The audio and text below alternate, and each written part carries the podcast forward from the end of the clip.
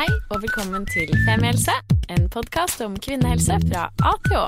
Og jeg heter Helene, Og jeg heter Sigrun. og vi har startet denne podkasten fordi vi mener at det bør snakkes mye mer om kvinnehelse. Så la oss snakke. Titt hei! Wow. Jeg har snakket om dette vi skal prøve med å liksom eksperimentere litt med måter å si hei på.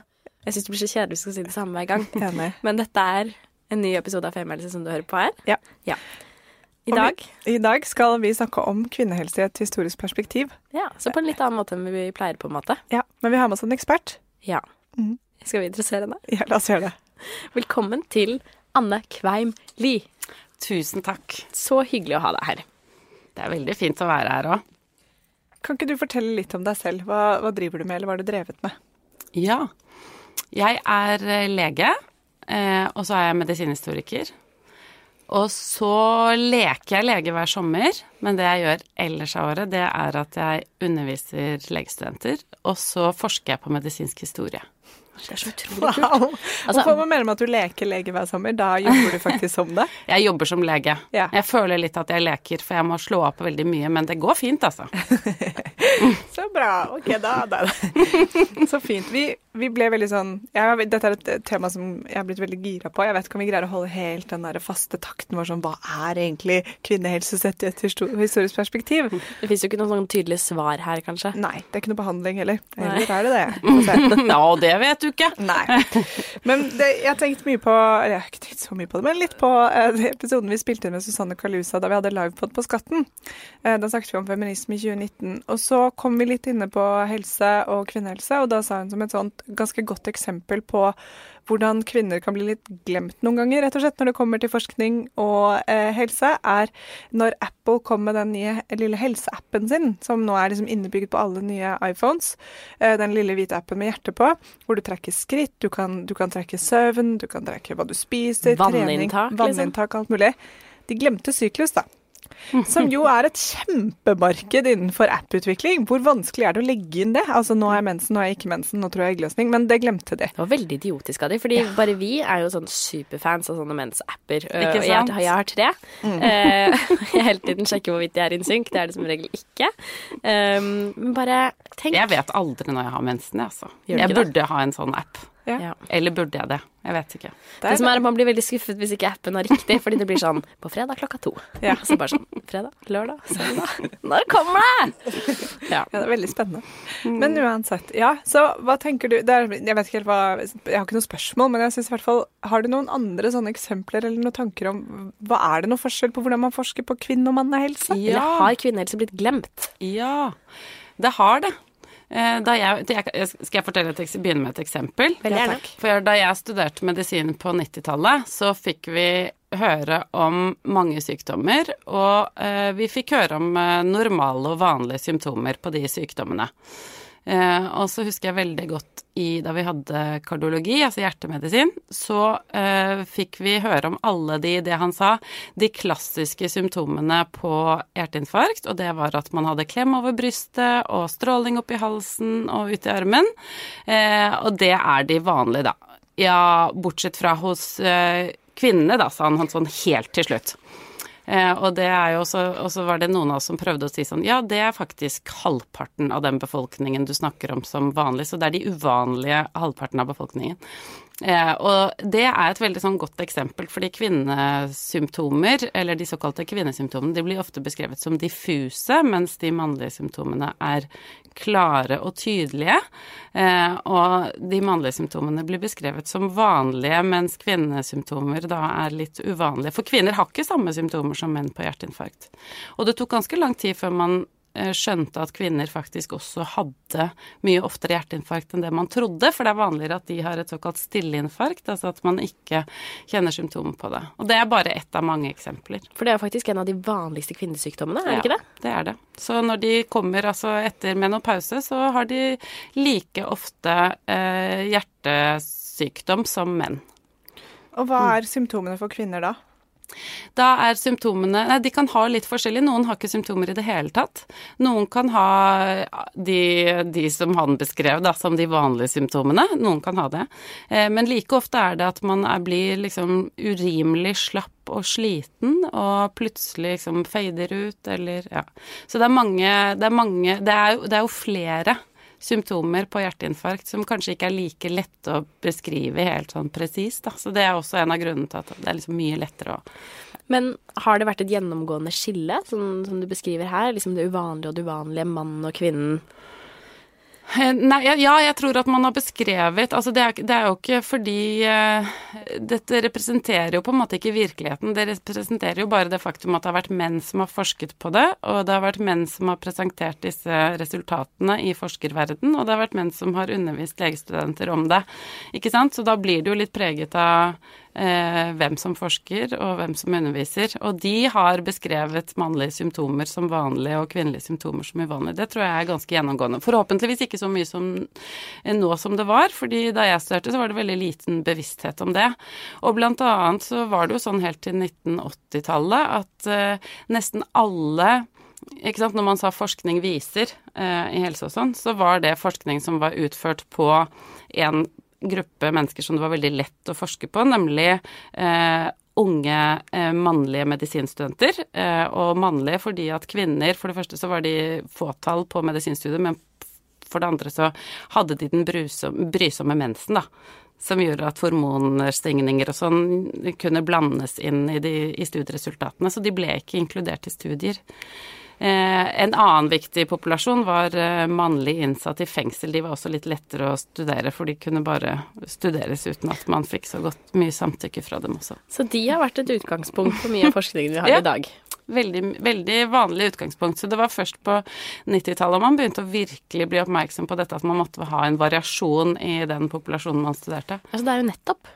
Fordi mm. når var det, Helene, når vi lagde den episoden om orgasme, når var det mhm. man fant ut hvor lang klitoris, eller hvor stor klitoris egentlig var? Det, jo, det, var jo også nettopp ja. første gang man åpnet opp en kvinne for å se mm. hvordan dette faktisk ser ut på innsiden. En død Men, kvinne. Får jeg lov til å si en ting som historiker, da? Ja, takk. Fordi at på 1700-tallet så trodde man at befruktning ikke kunne finne sted hvis kvinner ikke hadde orgasme. Man var veldig opptatt av at orgasme var kjempeviktig for i det hele tatt å kunne lage barn. Kanskje det var jo veldig bra, da. Ja. Er ikke det kult? Jo, det var jo dritbra. Ja. Ikke sant? Vi tror at de var så veldig puritanske og sånn før. Eh, men på 1600-1700-tallet så trodde man at kvinnelig orgasme var helt nødvendig. Eh, og da hadde klitoris en stor plass. Altså ikke størrelsen på klitoris, for det er jo helt nytt, men, eh, men man mente at klitoris da var ekstremt viktig også i forplantningen. Dette er forskning vi burde ta tilbake. Ikke sant. Ja, ja fordi man tenkte sikkert at liksom på samme måte som den mannlige eukalasjonen Ejakulasjon. Hvorfor må du si det, egentlig? Se det! men orgasmen, da, som ja. åpenbart fører til et barn. så ja, Men at man da tenkte at liksom, kvinnens orgasme hadde samme funksjon. Ja. Det er jo ikke så veldig ulogisk, egentlig. Nei, at vi også spruta egg. Ja, at vi også sprutet egg, på en måte. At det var sånn Å, der! det, hadde vært, altså, det hadde vært en annen verden hvis det var slik. Ja. ja. Da kan du bare Ja, altså, hvis det var birth control, da, på en måte at du ikke kom, da, ja. da kunne du ikke bli gravid. Å, men det hadde vært trist, da. Jeg er veldig glad for at det ikke ja, er sånn. Det hadde vært litt trist. Nei, men de hadde Det reflekterer jo på en måte et sånt syn på mann og kvinne den gangen som som, eh, som innebar at det ikke var så store forskjeller på mann og kvinne som vi tror i dag. Ja.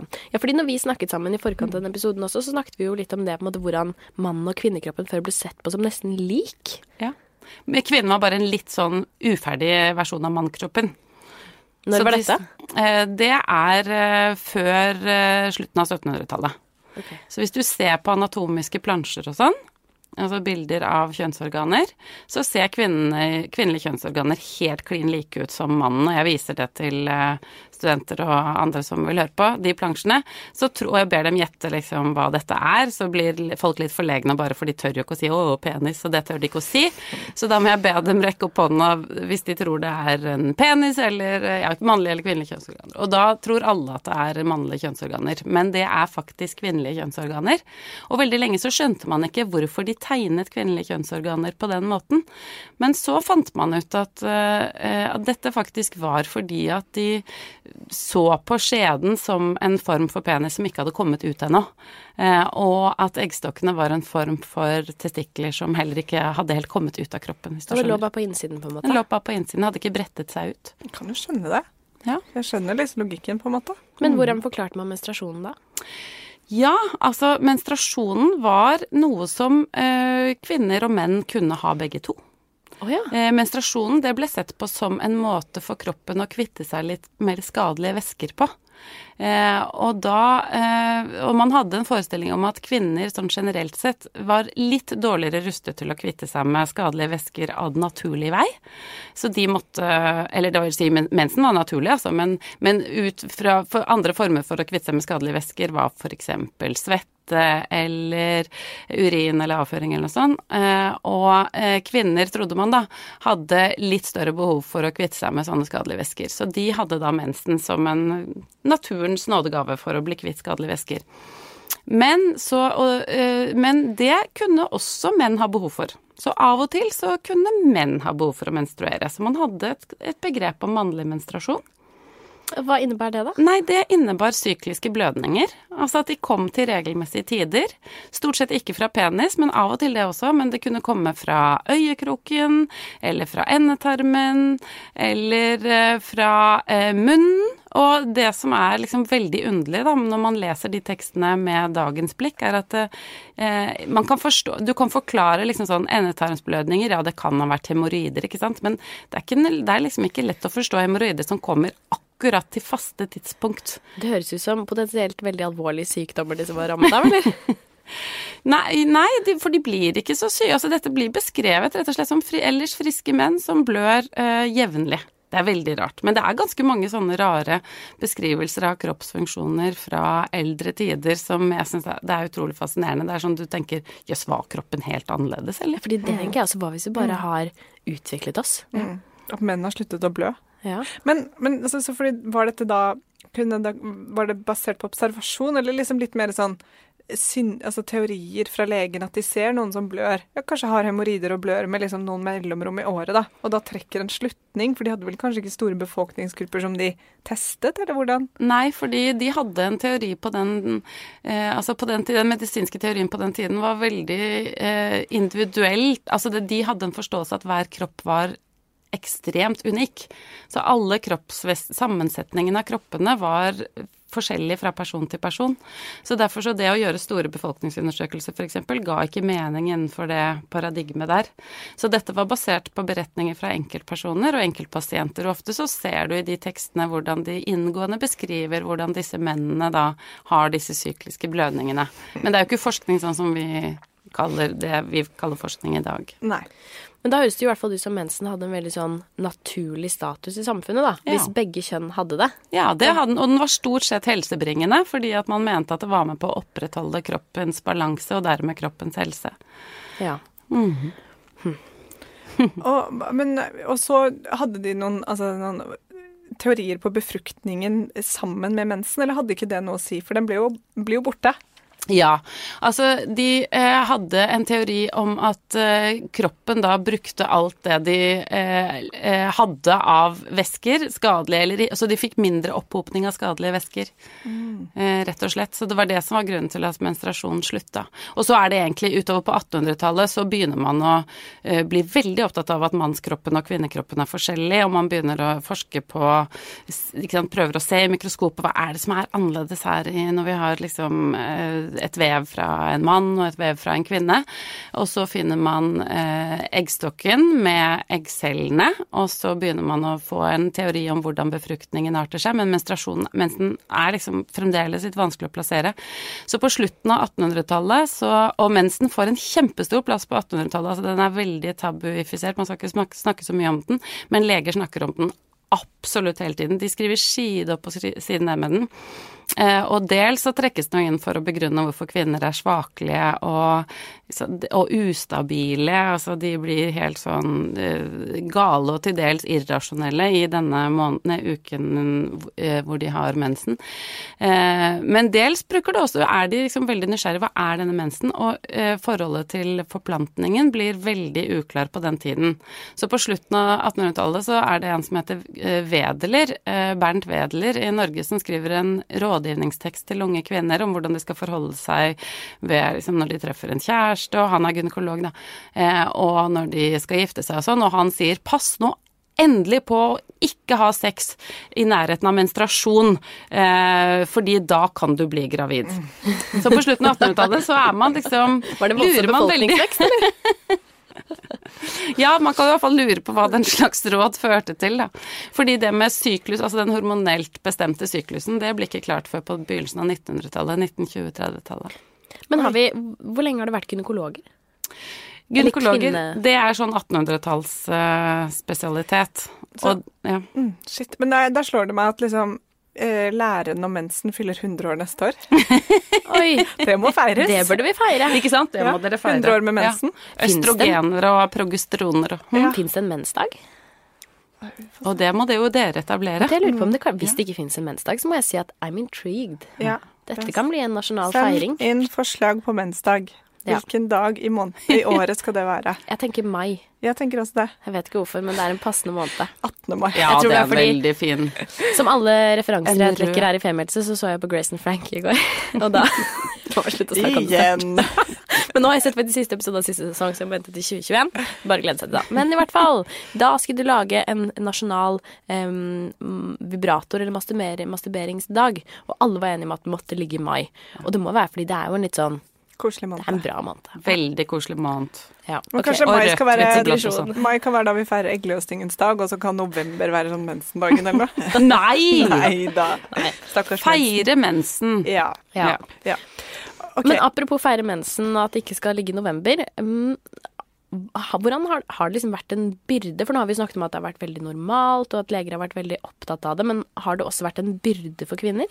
I Norge. I Norge, Ja, altså i hvert fall så var det knyttet til Altså som sagt, eh, det skjer jo noe i løpet av 1800-tallet hvor man begynner å se på mensen som eh, problematisk. Dels så eh, er det mange kvinner som begynner å klage over at de har vondt i magen når de har menstruasjon. Sikkert litt sånn resultat av at man får et økende borgerskap som har mer tid til å bry seg om den slags plager, da. Men dels blir, som jeg sa i sted, legene veldig opptatt av menstruasjon. Og noe av årsaken til det er at um, Eh, de, de, oppfatter menstruasjon som hovedgrunnen til at kvinner eh, er svakelige. Og på den tiden, på 1800-tallet, så er det stor debatt om, til høyere om kvinner skal få tilgang til høyere utdanning eller ikke. Og mensen blir da brukt som et ganske sterkt argument for å begrunne at kvinner, de skal eh, hovedsakelig ta for seg Nei, ta, eh, drive med å lage barn og passe på dem, og de har ikke mer overskuddsenergi til å drive høyere studier. Um, fordi at mensen gjør dem så svakelige, både kroppslig og mentalt, da. Så det ble brukt, altså mensen og kvinners svake biologi, som jo er noe nytt, sant, 100 år tidligere så har ikke kvinne- og mannebiologien vært så forskjellig, egentlig. Men nå på 1800-tallet så blir kvinnene virkelig svake biologisk sett, og mye av det skyldes mensen, fordi man mener at liksom mensen tapper kvinner for energi. Altså, borgerskapets kvinner gjorde oss alle en liten bjørntjeneste med å liksom rekke opp hånden for mye om mensensmertene. Ja, ja. det gjorde de. Og mm. det, de ble også stakkars utsatt for ganske intense inngrep da, for å kurere disse mensensmertene. Gjorde de det? Ja, for man trodde at uh, mensensmerter skyldtes uh, at livmoren lå i litt feil leie. Oi. Eh, så f.eks. veldig bakovervendt livmor f.eks. kunne skape masse menssmerter, trodde man da. Og det kunne man behandle ved å klippe opp litt i eh, cervix, altså i livmorhalsen. Eller man kunne legge en sonde i som lå der i to timer hver dag. To timer hver dag? Ja, da måtte de komme hver dag i ca. en uke, å, og da var tanken da at man kunne endre livmorens leie ved å gjøre det. Oi. Og dette gikk kvinner altså En ting er at leger tilbød det og faktisk gjorde det, en annen ting er at kvinner møtte opp og, og, og, virkelig underkastet seg disse prosedyrene. Så det var masse privatpraktiserende gynekologer som tilbød dette over hele Europa. Ja, shit. Ja, men altså. de, de hadde jo sikkert endometriose da også. Og da kan det jo ha vært så vondt at man tenkte at det var det verdt. Ja, kan være. Og så var det nok en sånn forestilling om at man faktisk kunne altså at menssmerten Det ser man også i brev fra Amalie Skram og Camilla Collett og sånne store kvinnesakskvinner. De er faktisk opptatt av mensen og menssmerter som et stort problem. Og noe av det skyldes nok også at man snakker om mensen som et problem i samfunnet generelt, da. Ja, for ja, det satt jeg bare litt og tenkte på nå også, nå som vi i dag skal snakke om kvinnehelse i et historisk perspektiv, så får mensen plutselig en sånn voldsomt stor rolle som jeg føler at det veldig ofte gjør. Det er sikkert litt fordi jeg har vært interessert i mensen. Ja, mensen er jo litt spennende. Jeg sier ikke at jeg ikke elsker mensen. På liksom forskjellige måter. Men um, ja. Men mensen var Altså, de legene var utrolig opptatt av mensen, så det er ikke bare jeg. Altså, de var De skrev Hvis du ser, leser journaler fra 1800-tallet, så skriver de side opp og side ned om når de fikk mensen, hvor lenge den har vart, eh, hvordan periodene deres er, eh, hvordan syklus er, alt det der. Eh, så det var de veldig opptatt av. Men så ble det litt borte. Altså, så da jeg studerte, lærte vi ingenting om mensen. Det har jo vært liksom Det er jo dere deres generasjon som bringer mensen fram igjen. Ja, for det, det, jeg skulle si at det føles jo ikke ut som at den trenden har fortsatt. Nei. Nå er det jo nada. Altså, det er jo nærmest kun Tina Tellum som, som forsker på endometriose og gjør det på fritiden sin. Og det er så lite dette som blir forsket på. da. Ja. Og når vi prøver å finne ut liksom, hva er det egentlig PMS er, liksom, hvorfor, hvorfor, kan du si akkurat hvorfor, så er det jo ingen som kan si akkurat hvorfor. Nei. Og Det er nesten litt tilbake igjen til det at hver kropp er så unik. da. Mm. Men, men, det er jo litt spennende med, hvis man ser det da i det historiske perspektivet, at man trodde at hver kropp var unik, så det var ikke noe poeng i å, å, å liksom forske på det. Og det føles litt sånn med, med, PMS også. Alt jeg leser om det, så er det bare sånn Ja, men eh, det er så forskjellig Hormonnivåene er ganske like, men kvinners opplevelse av det er så forskjellig. Selv om de har like hormonnivå. Altså sånn, selv om mm. ubalansen er den samme, eller balansen er den samme. Og da tenker jeg sånn da er vi litt tilbake til at det nesten ikke Det lar seg ikke forske på. Ja, men, og at man bare men, tenker sånn at gåten er løst. Så mener det bare sånn Nå vet vi hva det er. Eller mm. vet hva mensen er. Mm. Men PMS der, Jeg blir litt sånn litt forsiktig også, fordi det er jo noe historien viser oss. At PMS har jo også blitt brukt til å si ganske nedsettende ting om kvinner. Eh, F.eks. at de ikke egner seg til visse typer jobber i, i tiden før menstruasjon. Fordi på, på 1800-tallet ble det jo brukt til å, som jeg sa, hindre eh, kvinner i å ta høyere utdanning, hindre kvinner til å ta videre spesialisering som kirurg, hindre kvinner til å utøve dommeryrket. Men utover på 1900-tallet så ble det PMS som liksom var den store eh, grunnen. Og det var særlig var veldig stort i USA, og det var jo delvis preget av amerikansk forskning på 60- og 70-tallet som, som, påviste at eh, PMS, eller som mente å påvise, da, den er jo tilbakevist senere, men som mente å påvise at kvinner eh, av den grunn var mindre i stand til å drive høyt intellektuelt arbeid, f.eks. Så det er jo et eller annet med at den historien der ikke er helt god, og så var det feminister og hele den kjenn deg selv og kjenn din kropp-bevegelsen som tok tilbake det språket eh, om hvordan kvinner kan snakke om mensen selv. Men så jeg tror nok kanskje det også sikkert har skremt noen fra å forske på det. At den har ikke sånn veldig lystig historie, heller den PMS-forskningen. Ja, Det er jo så interessant at det nesten blir sånn ok, fordi vi forsker på det, så kan det på en måte bli brukt mot oss. Så da forsker vi ikke så mye på det, når det hadde jo vært helt nydelig for de som faktisk sliter veldig med det, å få en ordentlig løsning, ja. og som ikke på en måte er i hvert fall noe informasjon om hva det er som skjer med kroppen din. Ja, hva kan man gjøre som er Og det er jo mye man kan gjøre, men det er eh, det er liksom så, det er så utrolig individuelt, da. Mm. Så man må liksom teste og teste og teste og teste for å finne ut av det. Mm. Uh, det er veldig interessant. Ja. Og jeg tror også sånn medisinen har vært veldig opptatt av å forske på ting som uh, gir alvorlig sykdom eller kan, gi, kan forlenge, nei, forkorte levealder eller sånne ting. De jo, det er jo først nå de har begynt egentlig å forske på, og det gjelder jo særlig sånn typiske kvinneplager. Ting som bare gir plager, eller bare i anførselstegn, gir bare gir plager, men ikke gir noe livs... Uh, forkortelse eller uh, fører til sykehusinnleggelse eller den, ting, den type ting. ikke sant? Vanlige plager. Det eneste jeg kjenner til som er tilsvarende hos menn, er jo prostataplager. Det er jo veldig lite forsket på også. Eh, sånn kroniske prostatasmerter. Men eh, hos kvinner er det jo mange flere sett av symptomer som rett og slett har blitt vært underutforsket. Ja, Det er et veldig godt poeng. fordi at Vi snakket med uh, våre venner på Oslo kvinnehelsesenter om nettopp det med uh, bekkenplager. Mm. Uh, og det er også ganske det er helt 100% vanlig hos menn. Mm. Men de går veldig mye mindre og får hjelp for vondt i hofta eller uh, liksom vondt rundt anus, fordi de kan også vondt få Vondt å sitte, ja. vondt å tisse. Ja. Mm. De kan også få en form for nå, være, nå, bare finner jeg på ordet her, så jeg ikke hør på meg nå. Men altså form for vaginisme, men bare i, i analen, da. Fordi mm. at de strammer seg og er spente på samme måte. Underlivssmerter, ja, som vi også kan kalle det for menn, tenker jeg. Ja. Mm. Men det er jo en del ting som blir veldig kjønnstilknyttet. Mm. Ja. ja, veldig. Og da tenker jeg av og til vi kan ha noe å lære av den 1700-tallssamtalen. At det er ting faktisk som Vi tenker at alt er forskjellig alltid. Men det er ikke alltid sånn heller. Eh, men, men, samtidig så er det jo Det begynner å komme fram informasjon nå om Det har dere sikkert snakket om andre, sted, andre ganger her, da, men det med at uh, kvinner og menn responderer forskjellig på legemidler, f.eks. At vi ikke har samme uh, reaksjon på det, og at man av og til må tilpasse sånn at du endrer dosering og sånn hvis du har en kvinne enn hvis du har en mann, og det har man jo ikke hatt kontroll på i det hele tatt før. Mm. Det er skummelt, da. Ja. Hm. Og da håper jeg man finner ut hvordan man skal få mm. kontroll på det. Ja. Det er jo ikke så fa altså det, Jeg tror man har hatt kontroll på det stort sett i de situasjonene hvor det har vært farlig, mm. men, men, det kan jo gå på at du for, Altså for å få en best mulig effekt, f.eks. At man da heller bør skreddersy. Altså, når vi sitter og snakker nå også, så tenker jeg mye på at den, eller den forskningen vi har snakket om, om hvordan ting funker og forskjell på kvinner og menn, så tenker jeg at forskning i stor grad må ha vært liksom interessebasert tidligere. At man liksom er nysgjerrig og har lyst til å finne ut av ting. Men i dag så opplever jeg at det er mye mer budsjettbasert. Og det er jo dritirriterende. Og liksom når man får det sånn i den veldig store linjen, da, hvor det åpenbart er jo veldig mange ting som vi fortsatt har behov for å finne ut av. Mm. Eh, bare sånn, Jeg satt og leste her om, en dag om fibromyalgi, for eksempel. Ja. Eh, det er et vanskelig ord, jeg må slutte med de.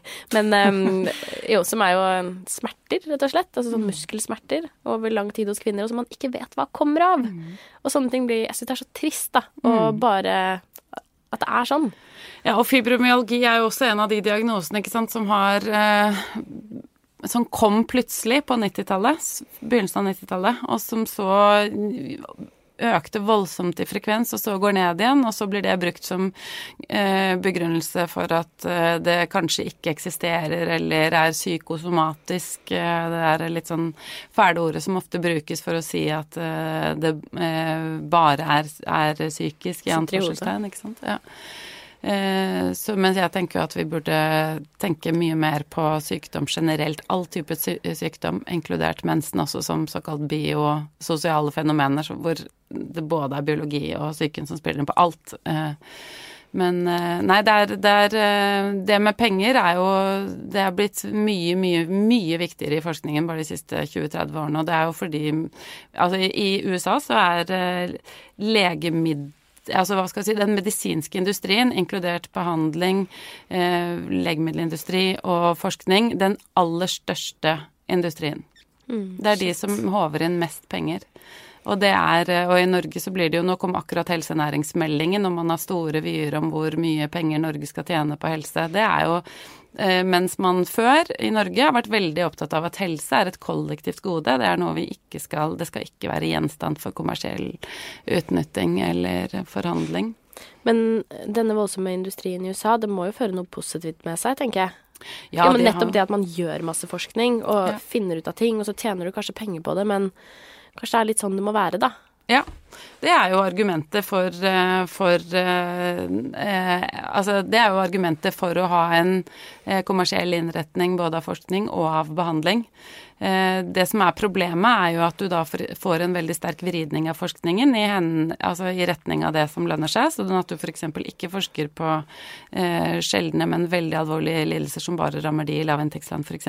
Eller lidelser som ikke fører til sykdom eller død, som er, men som kan være veldig livskvalitetsreduserende for f.eks. som er mange av de kvinnes, mer sånn tradisjonelle kvinnesykdommene. Mm. Jeg syns det var veldig spennende eh, det begrepet du sa, bio. Biososial? Biososial, ja. ja. Mm. Jeg tror um, det er jo noe av det vi liksom Jeg syns vi har touchet litt innom på det på en, no, på en del av liksom episodene våre. At, og det sier jo også legene og gynekologene og sånn vi har hatt på besøk her, at det er kanskje en av de tingene som er slitsomt med å være kvinne noen ganger, at det er ganske komplekst, og at også uh, alt rundt deg spiller inn, da. Mm. Um, og at uh, stress kan være med på å gjøre ting uh, verre, eller at du har det bra, selvfølgelig gjør det bedre, men at, du får sånn, man, at man kan få liksom fysiske symptomer på det. Mm. Jeg merker i hvert fall på meg selv at mensen og PMS er mye verre hvis jeg er stressa. Mm. Så det er mye som skjer i livet mitt. Mm. Eh, jeg er heldig som ikke har noe annet enn det å henvise til akkurat nå. Men eh, tror du at vi er på vei inn i et litt sånn paradigmeskifte igjen når det kommer til eh, legevitenskapen, og at man forsker mer på sammenhengene der? Har du sett noe til det? Ja, jeg syns absolutt det virker som det. Altså vi har jo innenfor genetikken f.eks. så har man blitt mer og mer opptatt av at eh, eh, sosiale forhold påvirker selve sammensetningen av kromosomene, altså den såkalte met at, ja, metyleringen. At det skjer ting på, i med genene våre på bakgrunn av sosiale forhold. og så har man blitt opptatt av at Vi ser det jo med antibiotikaresistens nå, ikke sant. At hvordan vi har handlet og brukt antibiotika har hatt direkte påvirkning på mikrofoner mikrobene dermed, som har angrepet kroppene våre, og dermed hva slags sykdommer vi får. Eh, så det er, det er en eh, Og vi ser det i forskningen på sosial ulikhet i helse, at det at man kommer fra ulike sosiale lag eller har forskjellig eh, Hvor lang utdanning du har, har direkte påvirkning på hvor tidlig du dør. Eller hvor mange sykdommer du får. Eh, så det eh, Jeg syns absolutt det virker som om det er en bevegelse i retning av en forståelse for at det der sammenspillet der mellom eh, mellom kropp og Eller mellom biologi og det sosiale og det psykologiske er mye tettere og mye mer sammensatt enn det vi har trodd før. Mm. Ja, for jeg, jeg, tenker veldig på I hvert fall så sier mange av mine venninner det, at også den derre At man ikke får så lyst til å bare behandle symptomene, men at man får lyst til å liksom behandle årsaker. Man har lyst til å finne ut hvorfor har jeg det sånn. Mm. Og nå er jo liksom mange av oss som bor i Norge og har det bra og har høyere utdannelse, har jo også kanskje tid da, til å dykke ned i sin egen helse på den måte, måten. Men, men, det er Jeg husker jeg mistet fullstendig tillit til en, eh, en naprapat jeg gikk en gang, for jeg hadde så innmari vondt i hofta. Og så sa jeg at du, jeg har vært så innmari stressa. Jeg har vært så mye stressa i det siste. Og da var jeg helt sånn Det hadde så sinnssykt mye å gjøre på jobb. Og så er jeg helt stiv liksom i nakken og skuldrene og sånn. Tror du at liksom at, kan, at det kan påvirke hofta så den også blir stiv og vond? Nei. Det tror jeg ikke. Altså, men Henger ikke kroppen sammen? da? Er den alene? Er liksom hofta som et sånt ledd du skyter inn på midten der?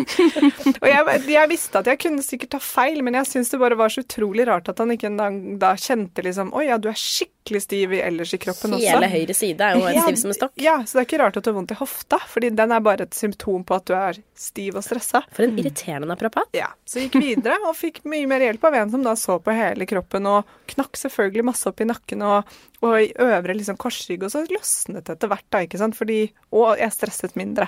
Det hadde masse å si. Ja. Men jeg tenker at det er litt sånn symptomatisk også for hvordan vi leger forholder oss til verden. At vi vil helst at ting skal være akkurat sånn som vi, det vi vet best om.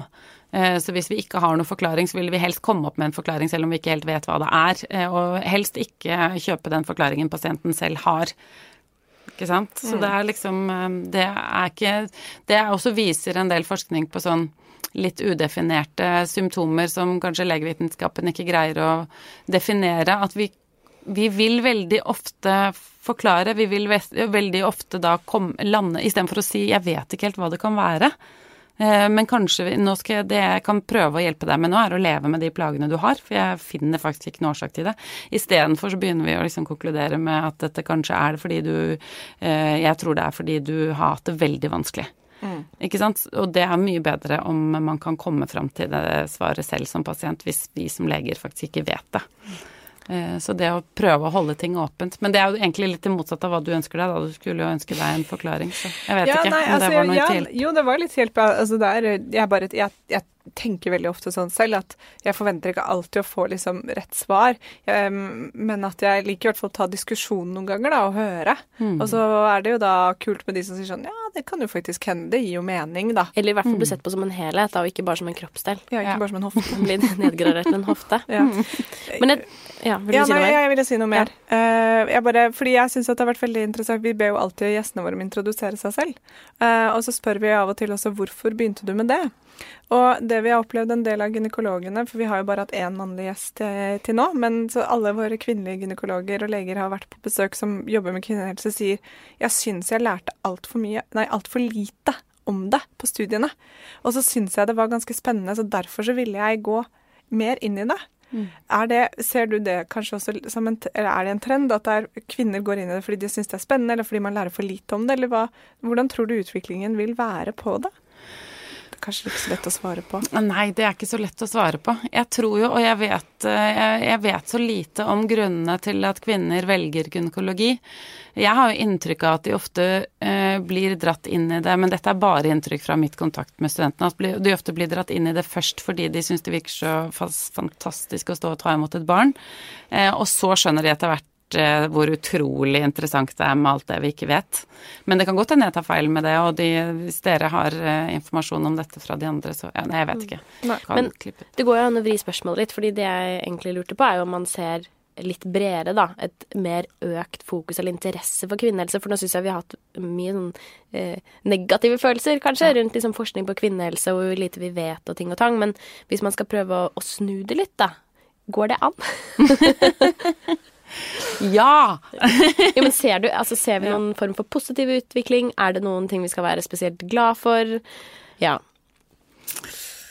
Um, jeg syns jo det er mer At det skjer mer positive ting i samfunnet egentlig enn innenfor medisinen. Men må, jeg må ta forbehold om at jeg ikke følger godt nok med i dagens uh, gynekologi og dagens kvinnehelsedebatter. Ja. Men det jeg ser og observerer gjennom å lese legetidsskriftet og, og følge med på samfunnet, er at det skjer Jeg syns at blant annet det dere gjør, men også sosiale medier, altså den, den opp, økende oppmerksomheten som er knyttet til, til eh, det å kjenne sin egen kropp og være opptatt av å eh, håndtere den på ulike måter og ta et bevisst ja, være nysgjerrig og følge opp, liksom, uten at det blir sånn veldig negativt kroppsfikserende. Mm. Det syns jeg er kjempefint. At det er litt sånn, mer sånn feiring. Ja, men helsebevissthet mener jo jeg ikke alltid er av det gode heller, da. Altså det å hele tiden kjenne etter og lure på og sånn, det tenker jeg av og til ikke er det som fremmer helse mest. Men det å kunne f.eks. feire mensen like mye som man prøver å finne ut av hvorfor man har vondt, eller ikke sant. Men det, man kan gjøre begge deler. Men ja, Det er det rom for. Ja. Mm. Men det, og det er litt sånn oppsummerende, er jo også det at det er helt greit at vi fortsetter å være litt irriterte.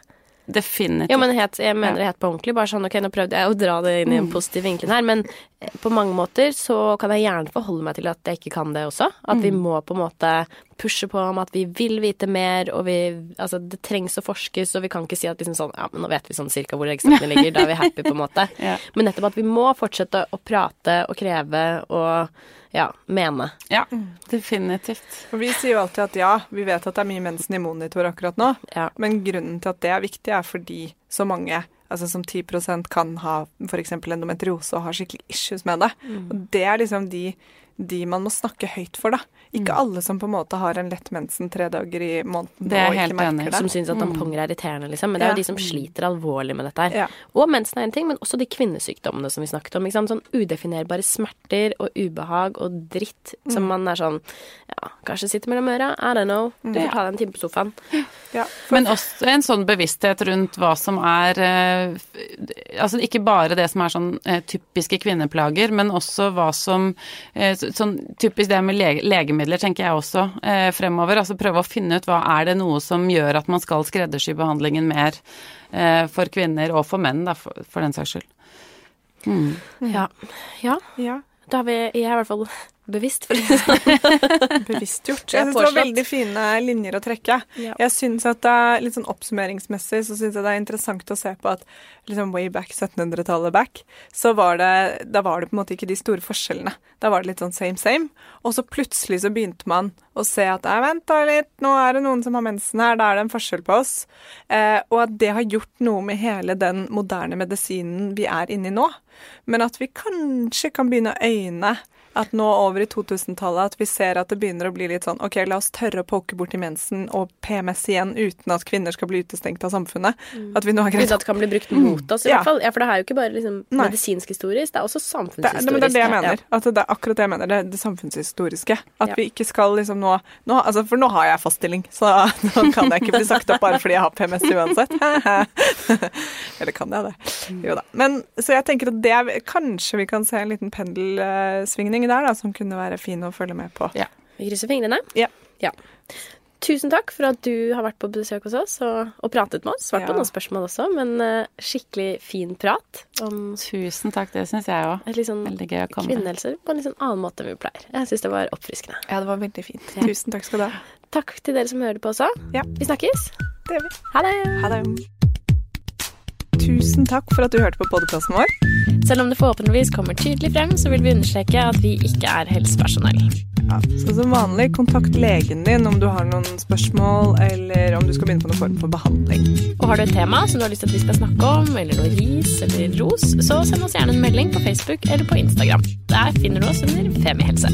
Mm. Og du kan gjerne rate oss på iTunes, det er skikkelig hyggelig for oss. Ha en fin dag. Ha en kjempefin dag.